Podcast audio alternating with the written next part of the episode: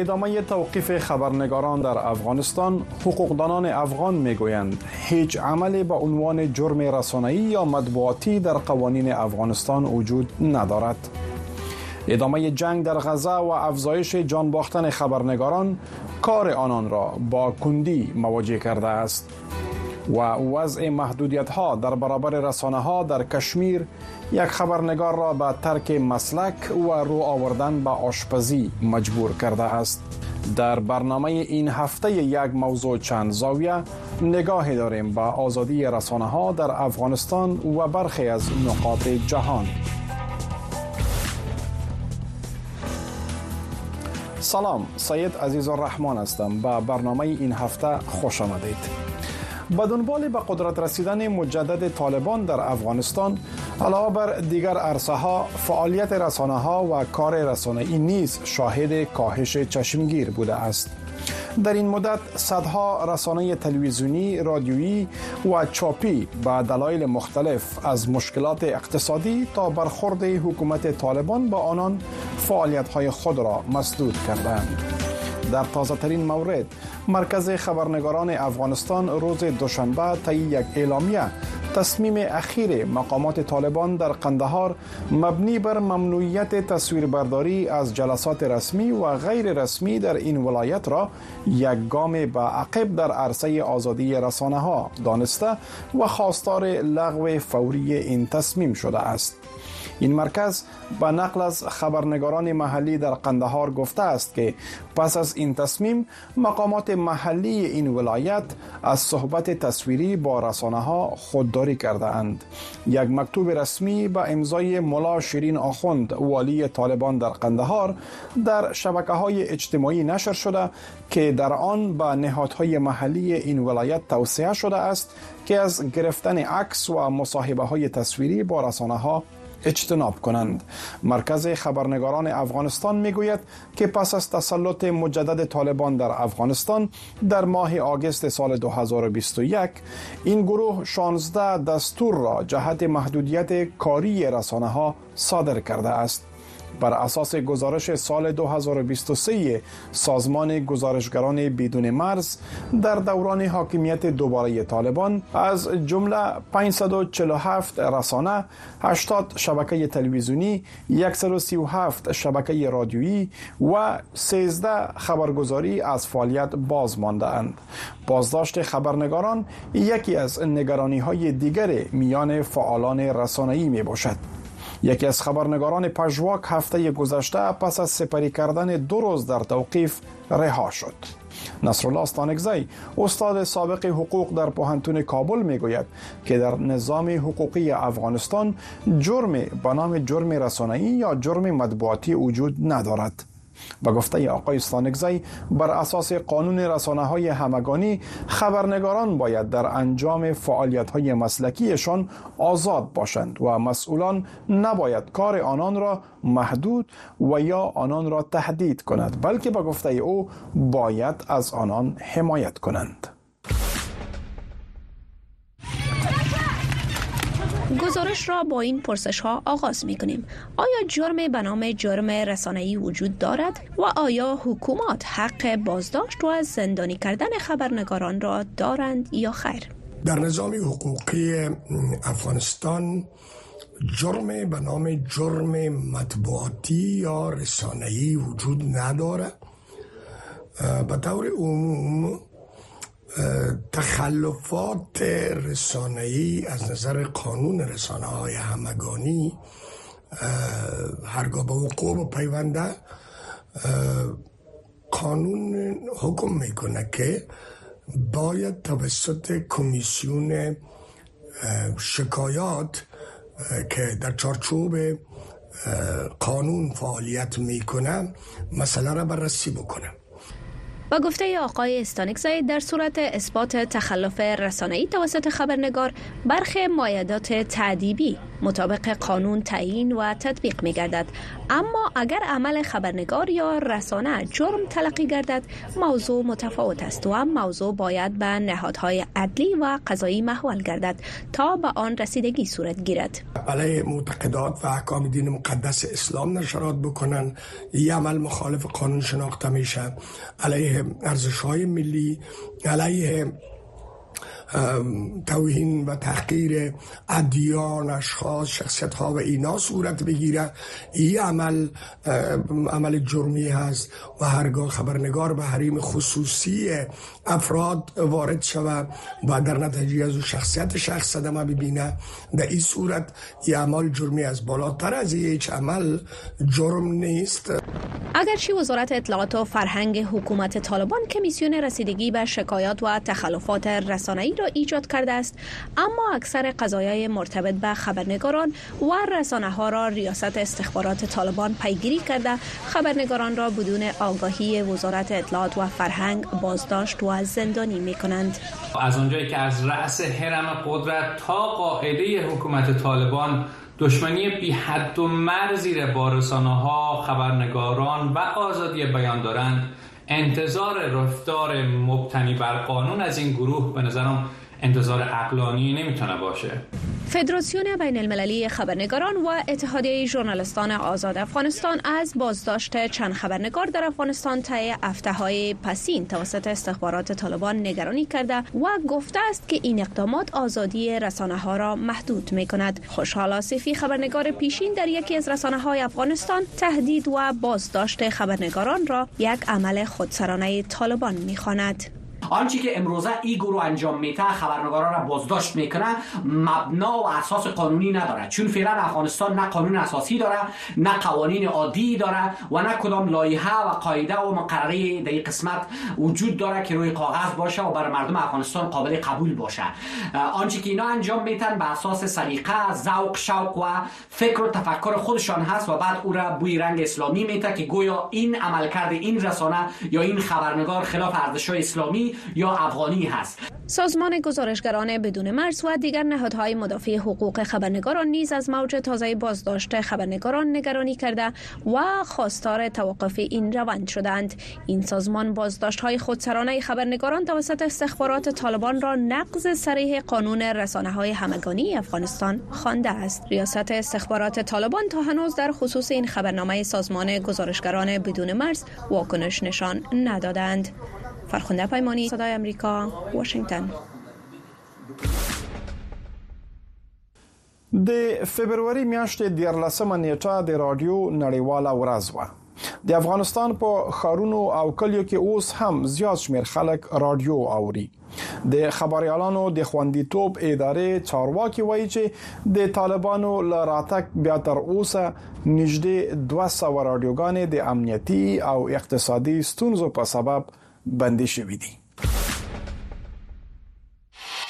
چې د بشپړ یرغل د دویمې کلیزې د فبروري 14مه د ملګرو ملتونو د کلتوري او علمي ادارې یا یونیسکو له لوري د رادیو نړیواله ورځ نومول شوې ده د افغانستان په کلیو او شهرونو کې د نور رسنیو په پرتله د رادیو اوریدونکو زیات دي محی الدین د کابل شهر اوسیدونکو دی نوموړي امریکا غږ ته وویل چې هڅه کوي د راډیويي خپرونو په مرسته خپل هر اړخیز معلومات زیات کړي. به خاطر گوش میگیریم که از وطن خود از احوال وطن خود به خبر شویم در وطن ما چی میگذاره چی نمیگذاره چی خوبی های فعلا در وطن ما میگذاره چی خرابی های میگذاره به خاطر از ما گوش میگیریم رادیو فضل خدا بسیار خوب است و بالخصوص یعنی برنامه های معارف است برنامه یکم سوال جواب دینی است یکم برنامه های است مشروع دکتر است اینه میاره بسیار ما برنامه بسیار فایده مند است د رادیو د زیاتو اوریدونکو یو دلیل دا هم یادېږي چې د استفادې لګښت د نورو رسنیو په پرتله کم دی. عبداللطیف د دوکاندارۍ ترڅنګ د ښوونځي زده کوونکی دی. نوموړی وایي هڅه کوي چې د راډیو له لارې ښوونیزې او علمي خپرونې تعقیب کړي. زه خپله هم دوکاندار یم، دوکاندارۍ کې د رادو او بېکاریو رادو ډېر اورو. موږ داسې خپرونې اورو چې کومې د انګلیسي مې دا خبرونه مه اورو، د انګلیسي مه اورو چې دا خپل درس یعنې کوم مطالعه ورنه زده کړو او دا خبرونه هم دي چې د افغانستان له هر هغه نه خبر شو. د طالبانو په بیا ځل واکمنېدو په افغانستان کې د رادیوي خبرونو محتوا تر ډیره تغیر او د امریکا غږ او ازادي رادیو پر خبرونو هم بندیزونه لګیدلي دي بل لور ته د خبريالانو د خوندیتوب کمیټې مسؤلین وایي چې د طالبانو پر اتاک تر 200 پورې رادیوګانې د امنیتي او اقتصادي ستونزو په سبب بندي شوې دي د دې نظام له بدلون نه مخکې موږ تقریبا تر 500 پورې راډیوګانې درلودې چې متاسفانه د دغه بدلون د راتګ په جریان کې په اوسیمو کې سه امنیتي وضعیت خنو البته یو تعداد راډیوګان وټړل شوې هم دا غرض له تحول نو وروسته هم یو تعداد راډیوګان چې اقتصادي وضعیت خنو تړل شوې دي سپمالمو کې تقریبا د 200 شاوخوا هډوګان تړل شوي وي او اوس موږ د دوه نیم سوو او درې سوو تر منځ داسې فعالې راډیوګانې لرو. په افغانستان کې د کابل راډیو خپرونې د لومړي ځل لپاره نږدې سل کاله وړاندې یعنې په نولس سوه شپږ ویشت میلادي کې د شاه امان الله خان د واکمنۍ پر مهال پیل شوې. د افغانستان د رادیو د تاریخچې یادونه په داسې حال کې کیږي چې سل کال وروسته په هغه کابل کې د رادیو د هنري خبرونو پر نشر او اوریدو سخت بندیزونه لګیدل دي شمساریان امریکا ژغ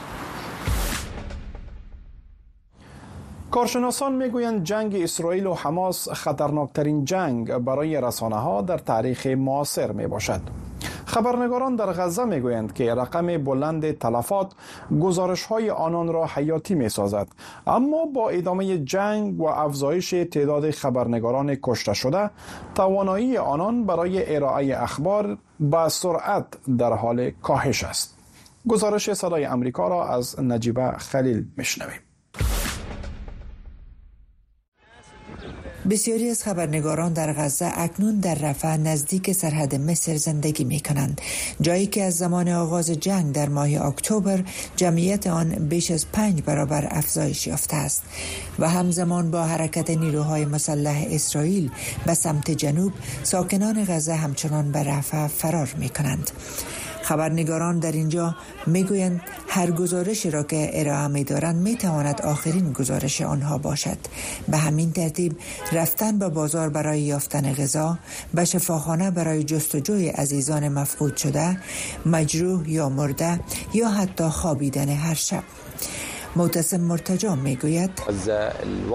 وضعیت در غزه بسیار سخت بوده و پوشش خبری غزه هم بسیار مشکل است احتمال دارد که یک خبرنگار با پخش هر خبر یا تصویر کشته شود در طول چهار ماه جنگ در غزه بیشترین تعداد خبرنگاران در تاریخ اخیر کشته شدند کمیته حفاظت از خبرنگاران از کشته شدن 85 خبرنگار گزارش می دهد در حالی که سازمان ملل متحد می گوید 122 تن کشته شده اما خبرنگاران غزه می گویند 130 خبرنگار تا حال کشته شده معتصم مرتجام خبرنگار غزه میگوید من خلال انه یعنی محدود ساختن خبرنگاران و کاهش قدرت ذهنی آنان می تواند مانع ارائه مسلکی اخبار آنان گردد اما وقت وقتی یک خبرنگار را میکشند عزم ما برای ارائه مداوم گزارش و حقیقت نیز افزایش مییابد در داخل غزه خبرنگاران میگویند توانایی آنها برای ارائه اخبار به سرعت در حال کاهش است اسلام ایزانون خبرنگار تلویزیون فلسطین میگوید این جنگ از هر جهت علیه خبرنگاران و تمام جامعه است رژیم اشغالگر اسرائیل اغلب ارتباطات را به عنوان بخشی از حملات خود قطع می کند و توانمندی ما را برای کسب اطلاعات از هر جاهایی که مجبور به فرار از آن شمال هستیم کاهش می حکومت اسرائیل بارها گفته است که خبرنگاران یا غیر نظامیان دیگر را هدف قرار نمی دهد. ادعایی که گروه های حقوق بین الملل و خبرنگاران فلسطینی آن را رد می کنند.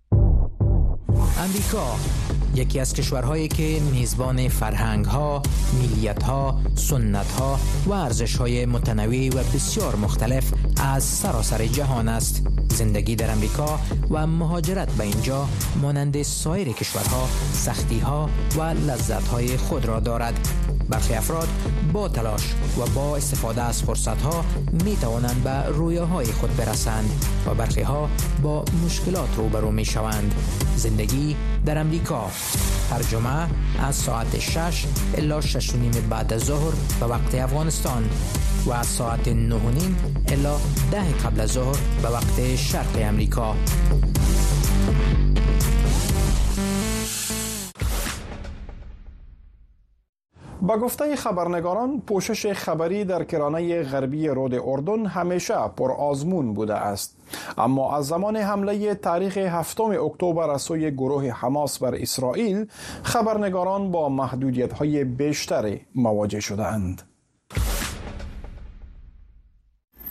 پوشش خبری کرانه باختری همواره چالش برای روزنامه‌نگاران فلسطینی و اسرائیلی داشته است اما از زمان حمله حماس در هفتم اکتبر و حملات متقابل اسرائیل بر غزه و کرانه باختری شرایط به طور فزاینده خطرناک شده است ولید العمری رئیس دفتر الجزیره برای بیت المقدس و کرانه باختری است این نه تنها برای خبرنگاران الجزیره بلکه همه خبرنگاران خطرناک است اما به نظر می رسد که ما هزینه بالایی را پرداخت می کنیم زیرا ما بسیار فعال هستیم و سعی می کنیم همه چیز را در داخل غزه حتی در مناطق خطرناک پوشش دهیم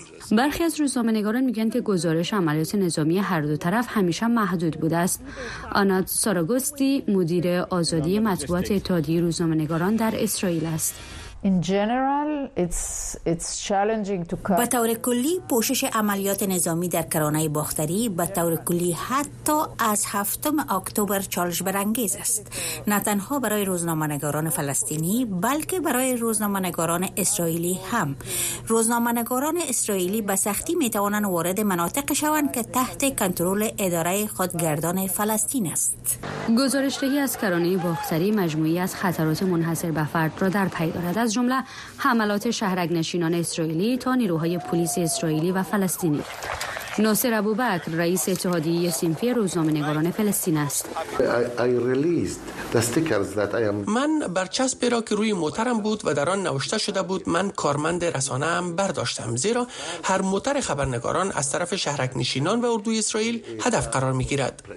قبل از درگیری اخیر بکر به دلیل فعالیت‌ها و اظهارات ضد اسرائیلیش مورد قرار گرفته بود حکومت اسرائیل هدف قرار دادن خبرنگاران را رد می کند یک سخنگوی وزارت امور خارجه از طریق ایمیل صدای آمریکا گفت که تقریبا نیمی از خبرنگاران کشته شده در واقع تروریست بودند به اساس آمار کمیته حفاظت از خبرنگاران از 7 اکتبر در کل 85 خبرنگار کشته شده که شامل 75 فلسطینی، 4 اسرائیلی و 3 لبنانی می شود. اما نهاد ناظر رسانه ها کمیته حفاظت از روزنامه نگاران کشته شدن بیش از 85 روزنامه نگار در چهار ماه اول جنگ را تایید کرده است که تقریبا همگی فلسطینی بودند. رفت و آمد آزاد نیز در این منطقه کاهش یافته و ایستهای بازرسی و محدودیت دسترسی در کرانه باختری وجود دارد. د افغانستان د طلوع تلویزیون یوې پخوانۍ سیاسي خبریالې په خپل هیواد کې د طالبانو له جبر څخه له کډوالۍ وروسته له یوې کاناډایي تلویزیون سره نوې دنده موندلې ده. نور تفصیل به په دې ریپورت کې واورو دا د خبريالي شګوفه دانش لپاره یو نوې ورځ او نوې پیل دی د کابل خبرياله اوس هم په سیاست تمرکز کوي خو د طالبانو له جبر نه د کډوالۍ راهیسي هغه په اوټاوا کې د کاناډا د پارلمان د خبرونو پوښښ کوي دانش په 2021 کال کې د طالبانو د بیرته واک نیولو وروسته د خپل هیواد نه کډوال شو او کاناډا ته پناه یوړه دلته هغه خوندیتوب او د کاناډا میډیا ګلوبل نیوز سره یو نوې پیل وموند دانش په افغانستان کې په طلوع نیوز کې د سیاسي خبرونو کوربتوب کوو خو اوس دا د خپل نوې دندې لپاره نوې مهارتونه زده کوي کار ما تنها مسئله ریپورت نیست بلکه ما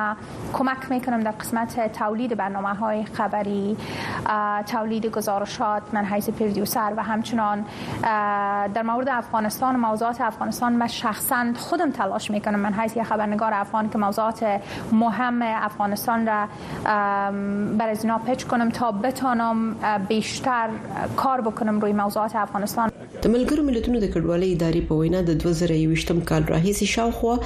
سلويخ زره افغانان کاناډا ته تللي دي د دانش نوي همکاران هم د هغې د کار نه ډیر خوښ دي او هغه ځینې وختونه د نیویارک ټایمز څخه دمخه رپوټونه لري. هغه په خپل کار ډیر ښه پوهیږي او د هغې دلته کار کول د کاناډایانو سره مرسته کوي چې پوه شي چې په افغانستان کې څه پیښیږي د طالبانو تر واکمنۍ لاندې پر افغانانو څه تیریږي. د طالبانو د واکمنۍ د پیل راهیسې سلګونه رسنۍ تړل شوې او زرګونه خبریالانو خپلې دندې له لاسه ورکړې، ډیر نور د هیواد نه وتلو ته مجبور شول. هغه خبریالان او نور چې افغانستان کې پاتې دي، په ورځني ژوند کې له بندیزونو سره مخ دي په ځانګړي توګه مېرمنې ملګرو ملتونو په وار وار په طالبانو غږ کړی چې بشري حقوقو ته درناوی وکړي افغانستان تر ټولو بد حالت دی د ښځو لپاره یو خطرناک ځای دی چیرې چې ښځې په اصل کې نه لیدل کیږي. دوی له منځه وړل شوي، د ښځینه خبریالانو مسلک له منځه تللی دی، دوی نه شي کولای چې په خوندي توګه کار وکړي، د دوی غږ نه اوریدل کیږي.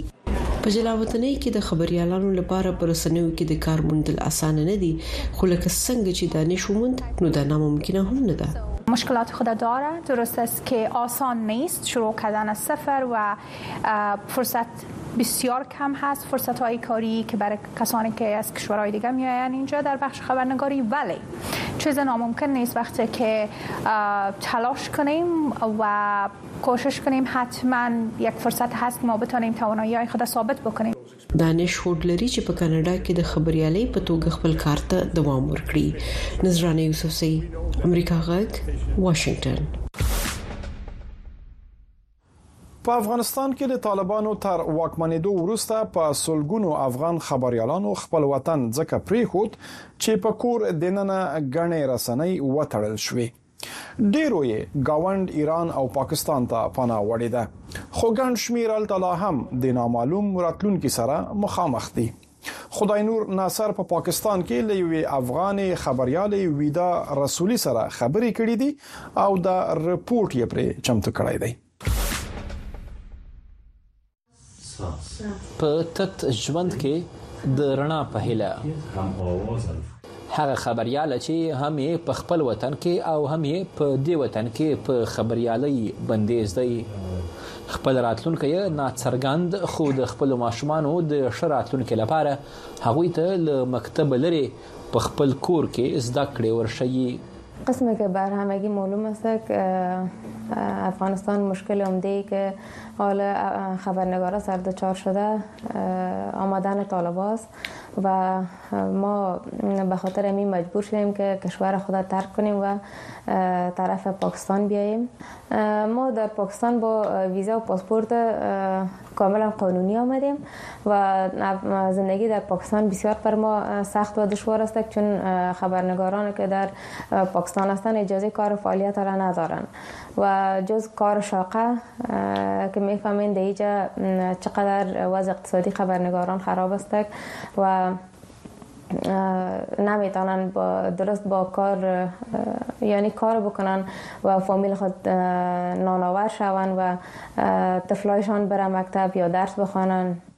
دغه پخوانی خبریال وايي، د دې په شمول ټول افغان خبریالان د دې لپاره راغلي وو چې کوم بهرني هېواد ته لاړ شي، خو وايي، تر کال یې زیات وخت وشو، لاکن راتلونکی یې همهغسې ناڅرګند دی. هر کس، هر خبرنګار که طرف پاکستان میآید، به می خاطر میآید، به می امید و آرزوی میآید که بالاخره بتواند از اینجا در دیگر کشورها برن بخیر. و طرف افغانستان خود دوباره ما هرگز رفتن نمیتونیم چون اوجا مشکلات بسیار زیاد است خصوصا بر خانم و خبرنگارا اصلا رفتن نمیتونن و اینجا آینده ما نامعلوم است چون سازمان ملل امرای ما همکاری نمیکنه په افغانستان کې دوه کاله وړاندې چې اوسنیو واکمنو د کابل کنټرول ترلاسه کړ هلته یو شمېر رسنیو خپل فعالیت محدود کړ دوی ونی وړاندې د خبريالانو لپاره د بیپلوي خبريالانو اتحادیه د 2023 مې سوي کال پر راپور کې افغانستان د خبريالانو لپاره د نړۍ په وو خطرناک هیوادونو کې یاد کړی وو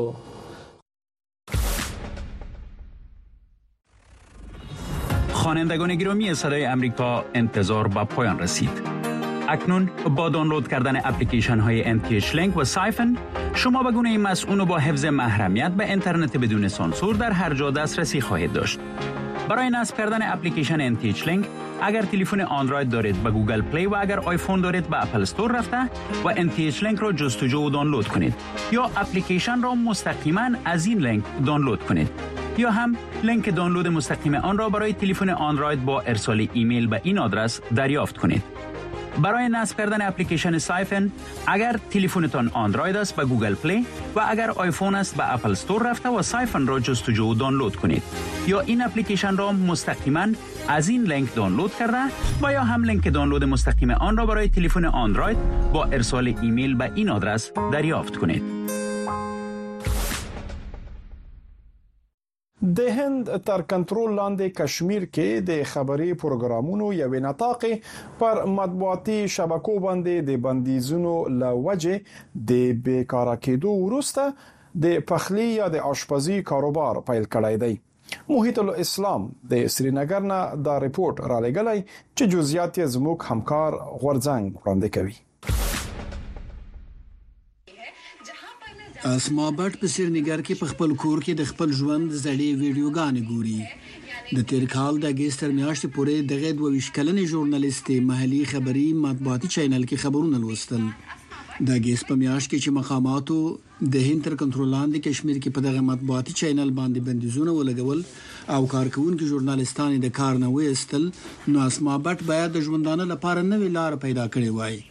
هغې د کلاوډ کیچن په نوم بل نوی کار پیل کړ.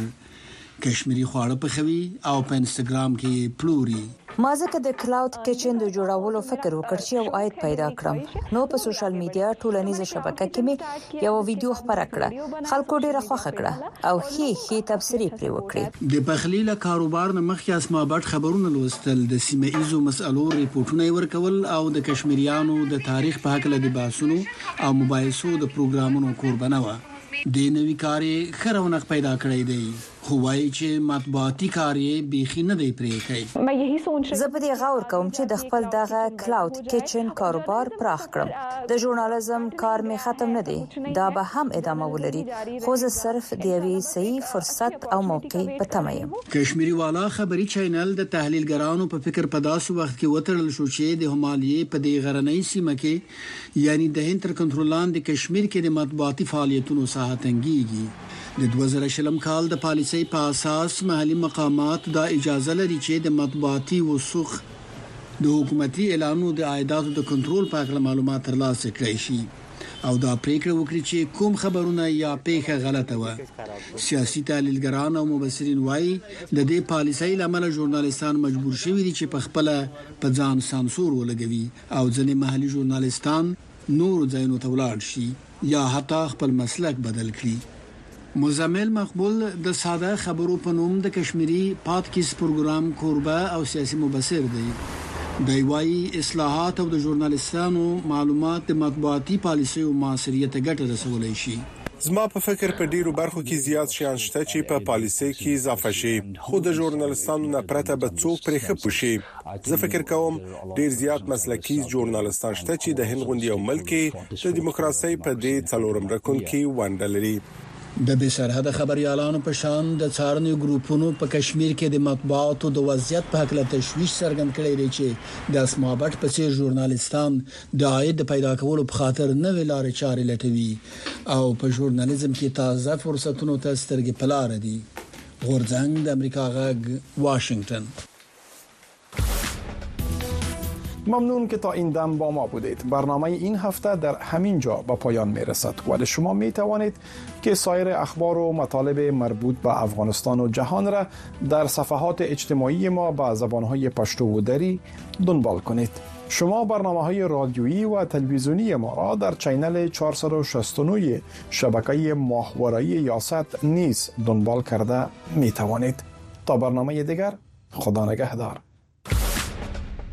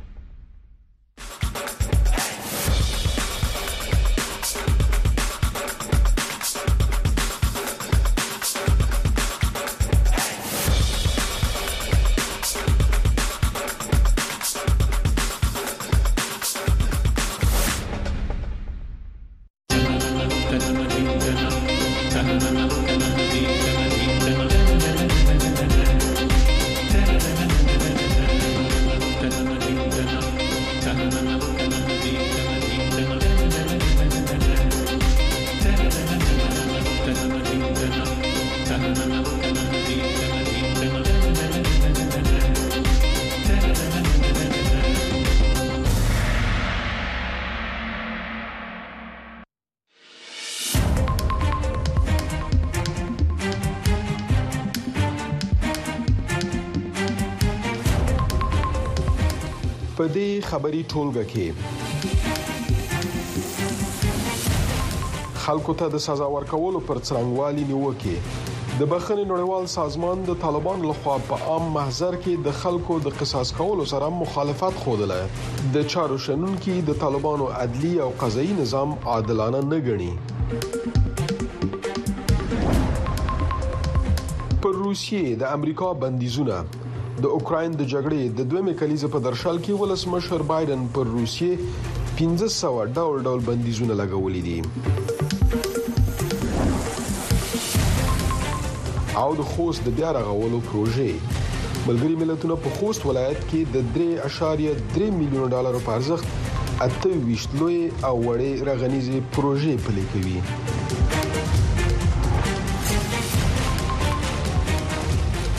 السلام علیکم خراغلاس نن شنبه د فبرवरी د میاشتې 24مه نیټه ده تاسو دا او زموږ نور خبرونه په سټلایټ او د امریکا غاک په ټولنیزو رسنیو کې هم لیدلای شئ ساسو قربا زه احمد شکیب یم په دې خبرونه کې برېښنا مرخیل پر روسیې د امریکا د تازه بندیزونو جزئیات شریکوي او په اسلام آباد کې د خپل همکار خدای نور ناصر سره په گاونډیو هیوادونو کې د کډوالو پر موضوع غږیږو د دوړ څخه په مننه خبرونه په یو مهم نړیوال مطلب پیلوم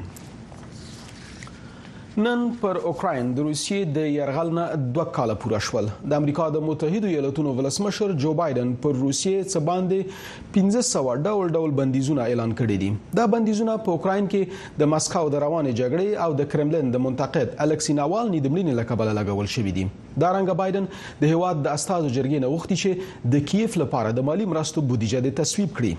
په دې اړوند نور معلومات ل خپل همکار برېښنا او مرخیل نخلم چې دلته په استودیو کې را سره ده برېښنا جانې تازه بندیزونه د روسیې په کومو ادارو یا اشخاصو لګول شوي او آیا دا به په اوکراین کې د روان يرغل مخه ونیسي سلامونه او ستړي مشئ نن په اوکرين د روسي د پوځي يرغل دوهمه کلیزه ده او نه یوازې امریکا بلکې اروپאי ټولنې هم د دې ورځې په درشل کې پر روسي تازه بندیزونه اعلان کړل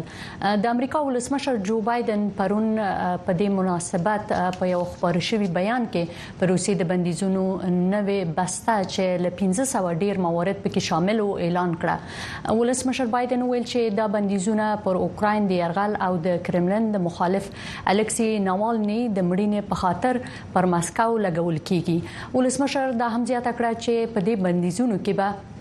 هغه اشخاص شامل وي چې د نوالني په بندي کولو کې لاس درلود په دې بندیزونو کې نږدې 300 بندیزونه د امریکا د خزانه د وزارت او څه باندې 250 نور د بهرنیو چارو د وزارت لخوا لګول شوې دي په ورته وخت کې بایدن د استاذ لو جرګې وغوښتل چې له اوکرين سره د 1.8 میلیارډ ډالرو مرسته تصویب کړي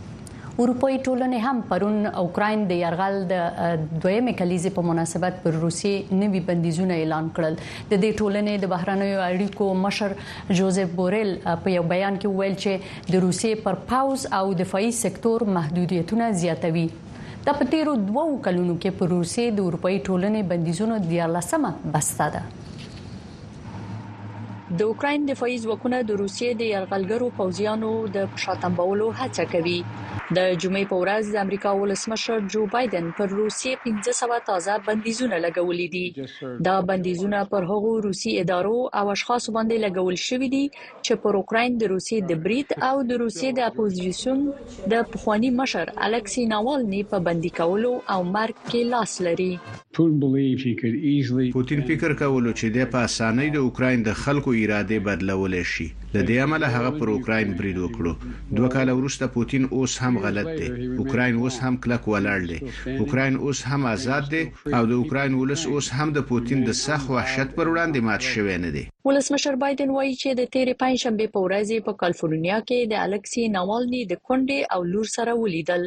بایډن وايي، هغوی ته یې ډاډ ورکړی چې پوتین به له روسیې د باندې پر نورو د بریدونو او په کور دننه د خلکو د شکنجه کولو بیه ورکړي. ارجنتاین ته د یو سفر پر مهال د امریکا د بهرنیو چارو وزیر انتوني بلېنکن د امریکا غږ یوې پوښتنې ته په ځواب کې وویل چې د ده په باور بندیزونه به د روسیې په اقتصاد، پوځ او د انرژۍ د سکتور پر عصري کولو اوږدمهاله اغېز ولري. بلېنکن د ناوالني یادونه هم وکړه. موږ د ناوالني د مرګ په تړاو د درېیو کسانو پر وړاندې اقدام کوو، په دې کې د روسیې د زندانونو عمومي مشر، سیمهییز مشر، او د زندانونو د رئیس مرستیال شامل دي. بلخوا پوتین په مسکو کې د خپل پلرني ټاټوبي څخه د دفاع د ورځې په نوم په لمانځنو کې برخه واخیستله.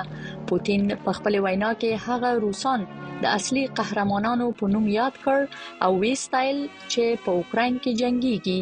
ځینې خلک فکر کوي چې د روسیې په زندان کې د ناوالني ناڅاپي مرګ ښیي چې پوتین کمزوری دی. زه فکر کوم که پوتین پر ځان باور درلودای، ناوالني به یې نه وای وژلی. زه فکر کوم دا د هغه چا کار دی چې ډاریږي. د روسیې ولسمشر ولادیمیر پوتین د خپل واک د بایللو څخه په ډار کې دی، ځکه که هغه واک وبایلي، مړ به شي. روسیه د ناوالني مړینه طبیعي بولي. براوډر پر روسیې د امریکا نوي بندیزونه وستایل او ویې ویل چې روسیه اوس هم د پیسو د ترلاسه کولو یوې سرچینې ته لاسرسی لري. نو تر هغې چې روسیه د تېلو پلور ته د دوام ورکولو وړتیا ولري، دغه هېواد به توغندي او مهمات وپېرلی شي او خپلو عسکرو ته به معاشونه هم ورکړی شي، جګړه به هم دوام وکړي. موږ تر اوسه په دې خبره سر نه دی خلاص کړی او دا یوه معما ده. د امریکا په سنا مجلس کې د دموکرات ګوند مشر سناتور چک شومر د امریکایي سناتورانو د یوې ډلې سره د جمعې په ورځ اوکراین ته تللی. شومر او ملګري به اوکراین ته د امریکا د نویو مرستو د ورکولو په اړه اوکرایني چارواکو ته ډاډ ورکړي دا په داسې حال کې ده چې د امریکا د جمهوریت غوښتونکو اکثریت لرونکي استازو جرګې لا له وړاندې اوکراین ته د امریکا 80 میلیارډ ډالر مرسته ځنډولې ده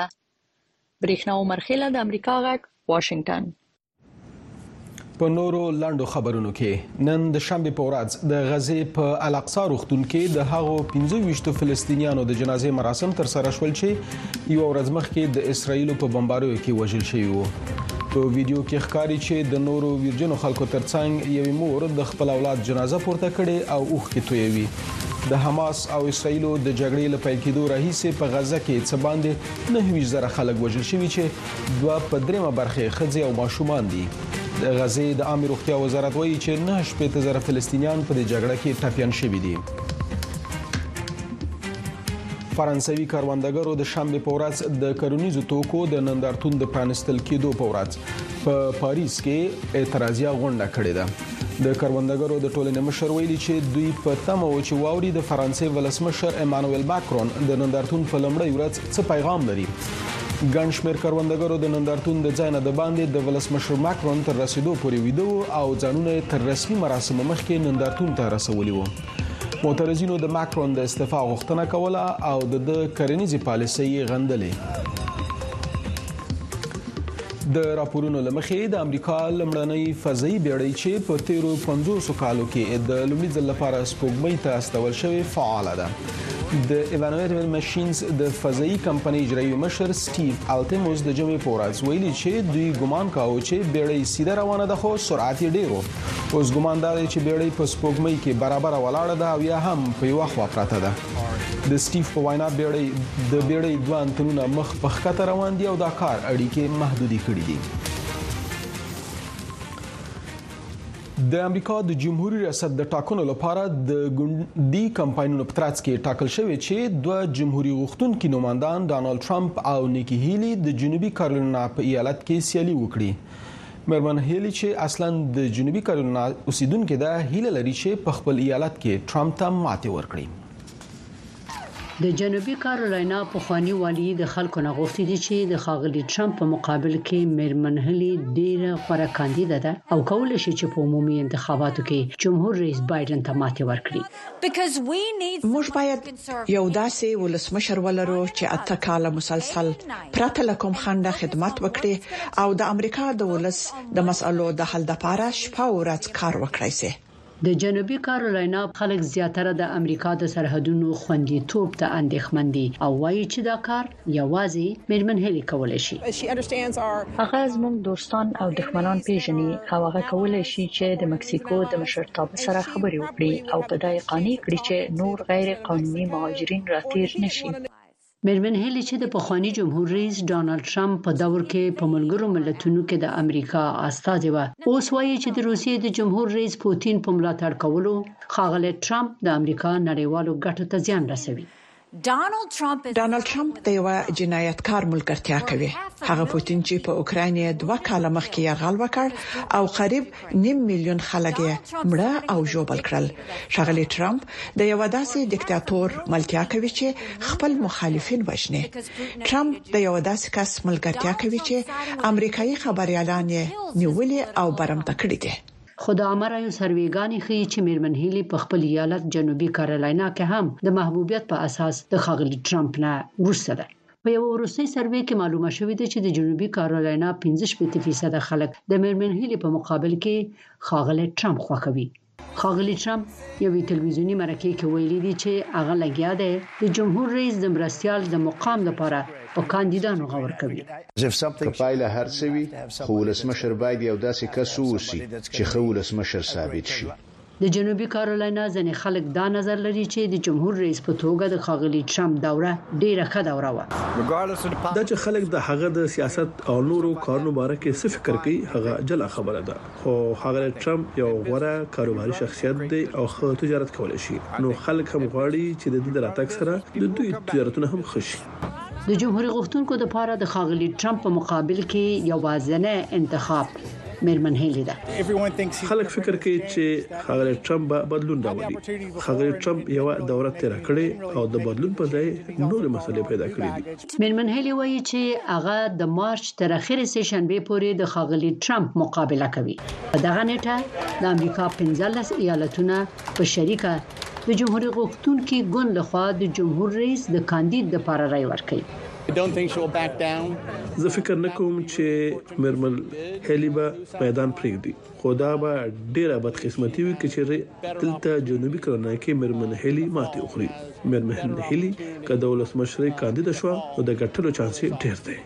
د جنوبي کارولینا خلک د شنبې په ورځ د رایو مرکزونو ته ځي. زیبا خادم، امریکا غږ. واشنګټن د خبرونې په پای کې د افریقایانو د تاریخ د معرفت لپاره د یو لړ هڅو په اړه ریپورت لرو خو اوس یو لنډه د ماخلو او بیرته راګرځو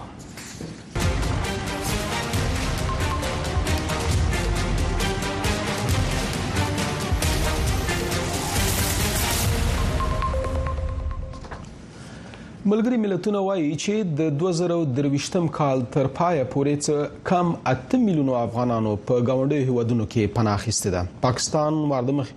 د غیر قانوني کډوالو ایستل پیل کړي او ایرانی چارواکو هم یو ځل بیا د کډوالو پر ستنولو ټینګار کړی دی په دې اړه نور معلومات په اسلام آباد کې د خپل همکار خدای نور ناصر نه اخلم چې په اسکایپ پروګرام سره ملګری شوی دی جناب ناصر صاحب ملګرو ملتونو د افغان کډوالو د شمیرو په اړه څه ویلي او د گاونډیانو دریځ څه دی اوس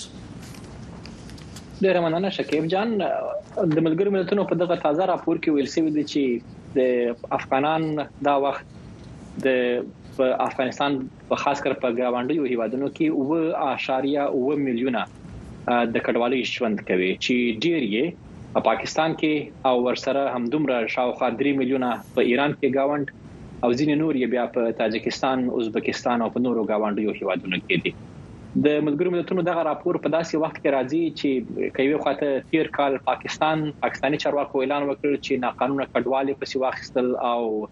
تر ډېره پورې طالب چارواکي هلته وايي چې له کله د دوی حکومت راغلی دی نو دوه اعشاریه اته میلیونه افغانان بېرته له پاکستان او ایران څخه یا په خپله خوښه راستانه شوي دي او یا هم په زور راایستل شوي دي نو د پاکستان لخوا هم دغه روان دي خو بیا په وړمه ورځ د ایران د کورنیو چارو وزیر احمد وحیدي په خپل ایکس پاڼه په ځینو خبرونو کې ویلي و چې وايي ناقانونه کډوال باید چې اشاره یې افغانانو ته وه، وايي هغه باید خپل هېواد ته ولاړ شي ترڅو خپل هېواد بېرته اباد کړي. نو که یوې خوا ته د پاکستان د افغان کډوالو د شړلو لړۍ که څه هم اوس لږ سوکه ده خو بیا هم روانه ده نو بلې خوا ته د ایران له خوا هم دغسې ورته ویل شوي دي کډوالو ته چې باید ناقانونه کډوال د هغوی هېواد پرېږدي او خپل هېواد اباد کړي. نو دغه تازه شمېرې دي چې اووه اعشاریه اووه میلیونه کډوال افغانان د افغانستان په شاوخوا ټولو ګاونډیو کې چې ډیر شمیر یې په پاکستان کې دی او دویم نمبر بیا زیات په ایران کې دی لا هم د کډوالۍ ژوند تیروي. ډیر زیات مننه کوم ناصر صاحب په خیر اوسئ. خیر اوسئ. د بخنې نړیوال سازمان د طالبان لخوا په عام محضر کې د قصاص د پریکړو د پلي کولو سره مخالفت خوده او دا ډول اقدامات د بشري حقوقو سره په ټکر کې بللي دي د حقوقي چارو شنونکي وایي چې د طالبانو عدلي او قضایي نظام عادلانه نه دی نور جزئیات په ریپورت کې د طالبانو حکومت د سترې محکمې لخوا د غزنی په ولایت کې د دوو تنو له اعدام وروسته د بخښن نړیوال سازمان د طالبان د چارواکو څخه د اعدام د لړۍ د بندیدو او د اعدام د سزا د لغوه کېدو غوښتنه کړې ده موږ د ټولو اعدامونو سره مخالف یو ځکه چې دا د ژوند د حق څخه سرغړونه ده. طالبان په پرلپسې ډول په عامه ازر کې اعدامونو ته دوام ورکوي کوم چې د انساني کرامت څخه د ډېرې سختې سرغړونې ترڅنګ د نړیوالو قوانینو او معیارونو څخه هم سرغړونه ده چې هیڅ زغملو نه ده. د طالبان د حکومت سترې محکمې په یوه خبرپاڼه کې ویلي چې درې ګونو محکمو د پرېکړې او د طالبان د مشر ملا هبت الله اخوندزاده د تایید وروسته یې د پنجشنبې په ورځ د فبروري په دوه ویشت مه د غزني ولایت د علي لالا کلي د فوټبال سټېډیوم کې پر دوو تنو باندې په عام محضر کې د اعدام سزا تطبیق کړې ده. د حقوقي چارو شنونکي عبدالسبحان مصباح د امریکا غږ سره په مرکه کې وویل چې په اوس وخت کې د طالبان د محاکمو پر بهیر شک لري. د موږ شک په دې روان باندې د محاکمې په په کړنو باندې ده کنه د مجازات د اعدام او د قصاص د افغانستان په حقوقي نظام کې له سلو کلونو را په دې خوا شتون درلود حتی له دې په خوا هم او دا له حقوقي اړخه کوم ستونزه نه لري یعنی جزا په کوت کې د شتون لري او تعزیری مجازات به په خپل شریعت پورې حنفي فقه پورې اړه لري ښاغلی مصباح وايي چې د طالبانو عدلي او قضايي نظام عادلانه نه دی. په افغانستان کې قضایه قوه هغه حقوقي مشروعیت چې باید ولري نه لري نهادونه مستقله نه دي یعنی په خپل لوی څارنوالي د مدافع وکیلانو انجمن قضات با تجربه ندي او مستقل ندي ځکه ټول د طالبات طالبانو تحریک پورې اړه لري نو دلته ټول حقوقي قضایه قوه په ټوله کې تر سوال لاندې ده په داسې حال کې چې داسې مهمه حقوقي موضوع چې هغه کې د اعدام چې دی حق د ژوند پورې اړه لري نو دا طبعا تر سوال لاندې ده اوس که دوی دغه سیکړنې کوي دا په حقیقت کې عادلانه ندي په افغانستان کې د ملګرو ملتونو مرستندویو پلاوي دفتر یا یونما او د ملګرو ملتونو د مشر انتونیو ګوتیرش ویاند سټیفن دوجاریک هم په جلا جلا څرګندونو کې د طالبانو د سترې محکمې لخوا په غزني کې دوو تنو ته د اعدام د سزا تطبیق سره مخالفت ښودلی وو. د ملګرو ملتونو لخوا په خوست ولایت کې د 3.3 میلیون ډالر په ارزښت 28 لوی او وړې رغنیزي پروژې پلي کیږي په دغه پروژو کې به تر 8000 زیات کسان په دندو وګمارل شي نورحال د شمس آریان په ریپورت کې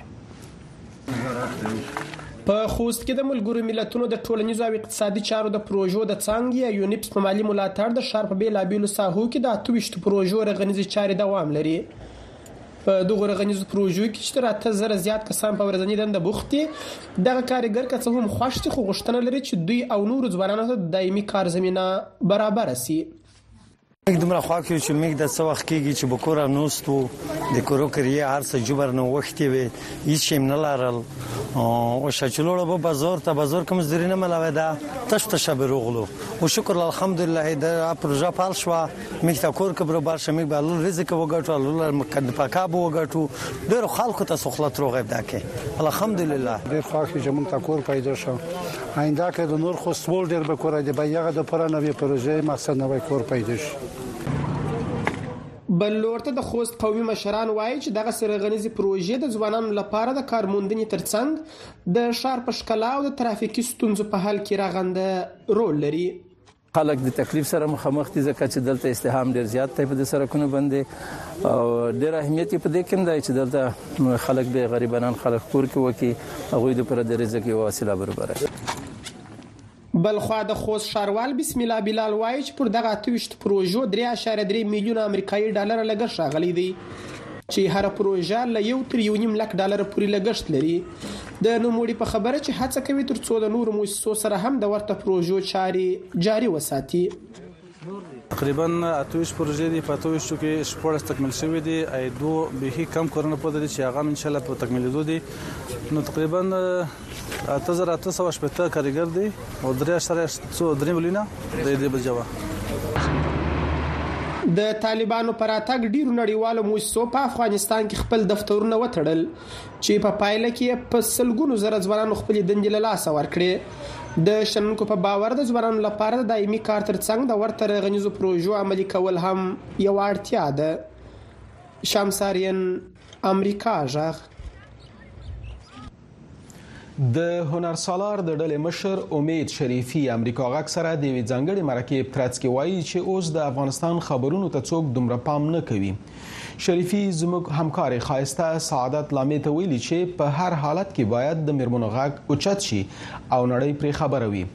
د هنر سالار ډلې په افغانستان کې د میرمنو څخه د ملاتړ لپاره د افغانانو او امریکایي میرمنو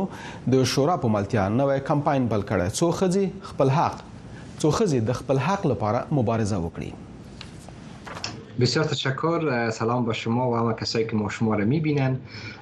قسمی که شما و مردم ما اطلاع دارن کارهای هنرسالار در افغانستان به صورت مداوم در ده سال گذشته ادامه داشته و به سلسله امی کارها و فعالیت ها به خصوص در قسمت دخترها و زنای افغانستان ما احساس کردیم که با اکثریت نقاش های خانم که ما کار میکنیم اینا یک اس خفقان دارن یک اس حساب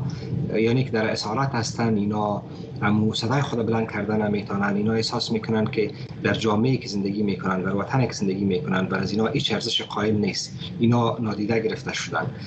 به این خاطر این باعث شد که ما امی یک حرکت نو یک کمپاین نو شروع کنیم که آیستان ویتیو و این قسمی بود که در سال گذشته زمانی که روز نوروز بود 22 و 21 مارچ همگی به مکاتب میرن همگی روی روز باز میشه یک حس امید و خوشی و خوشحالی است بین همه جوانا و هم دخترها هم پسرها هم کل مردم افغانستان و من یادم میاد که در وقت چقدر خوشحال بودم ما که میرم مکتب میرم و همچنان خوارکای که من پنج دانه خوار دارم نام خدا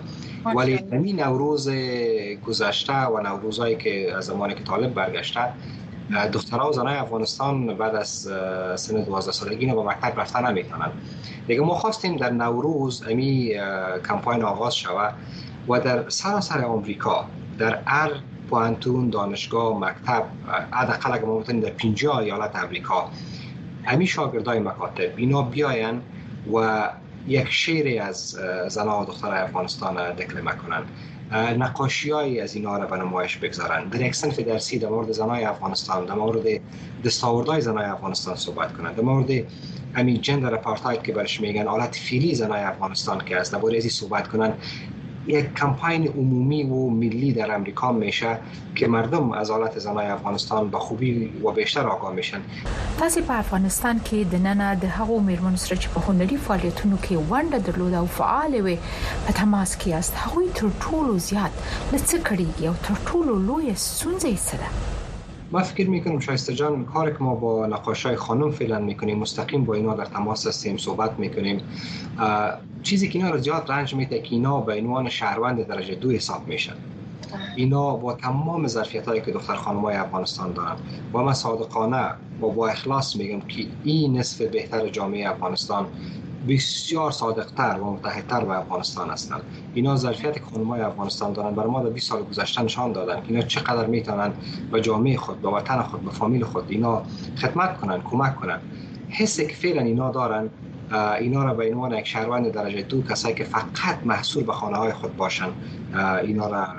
طالب ها ساخته اینی حس است که اینا فقان میزنن شیون میکنن و ای را اکثریت نقاش های خانم که برای ما کار میکنن ای را روی کاغذ میارن یعنی شما ببینین زمانی که ما میبینیم یک نقاشی که یک دختر خانم افغان امو پر و بالش بسته شده امو غمی که از این نقاشی میه امو پیام که میته واقعا قلب آدم پاره می سازد بله شریفی صاحب تاسو مخکې د میرمنو د سنځو یادونه وکړه خو بل پښتنه از ما سره دا ده چې آیا فکر کوئ چې تاسو د هلې ځلې به څه نتیجه هم ورکړي څه ګټه به ورسوي ځکه افغان میرمنې اوس ډېر زیات نه هلې شوې دي د هغو شمیر میرمنو سره چې موږ سره خبرې کوي هغه وایي چې نړیوال ټولنې موږ له یاد ایستلیو په خاصه توګه متحده ایالاتو چې موږ سره یې د ملاتړ او مرستې ژمنه کړې وه هم افغان میرمنې له یاده ایستلې دي. شایسته جان ما فکر می کنم که ما هیچ وقت باید امو امید خود از دست ندیم ما باید هر زمینی که برابر میشه هر جایی که باشه ما باید آواز زنای افغانستان شیم امو آواز از اونا را بیشتر و بیشتر به گوش مردم دنیا برسانیم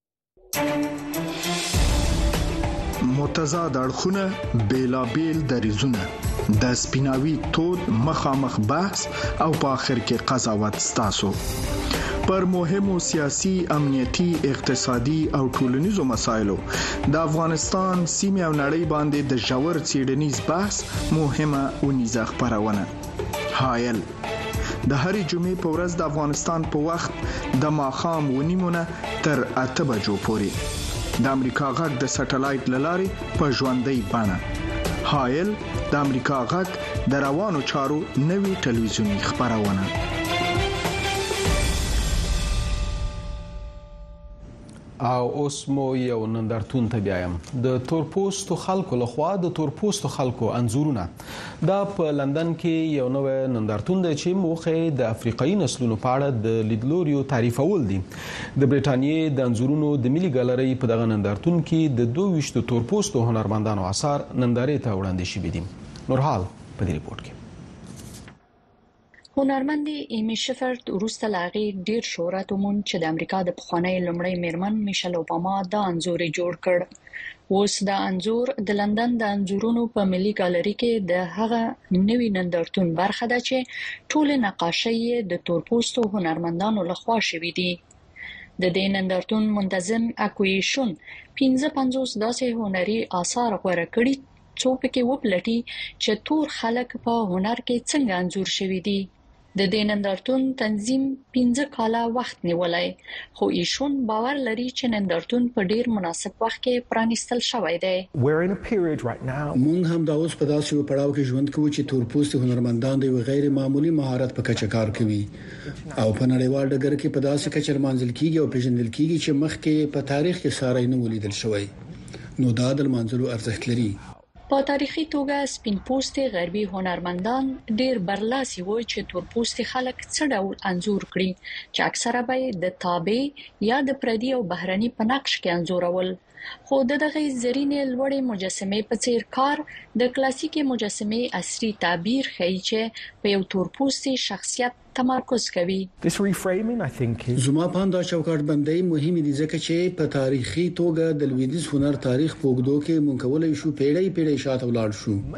د تور پوستو خلکو اکثره انځورونه د اورپایي هنرمندانو، لویدیځو هنرمندانو، سپین پوستو هنرمندانو له خوا کاږل شوي دي. په دې کې سم یا غلط نشته خو دا د تور پوستي هنرمندانو رول منزوي کوي. په دې نندارتون کې تاریخي پیښې د یو نوي لیدلوري سره انځور شوي دي.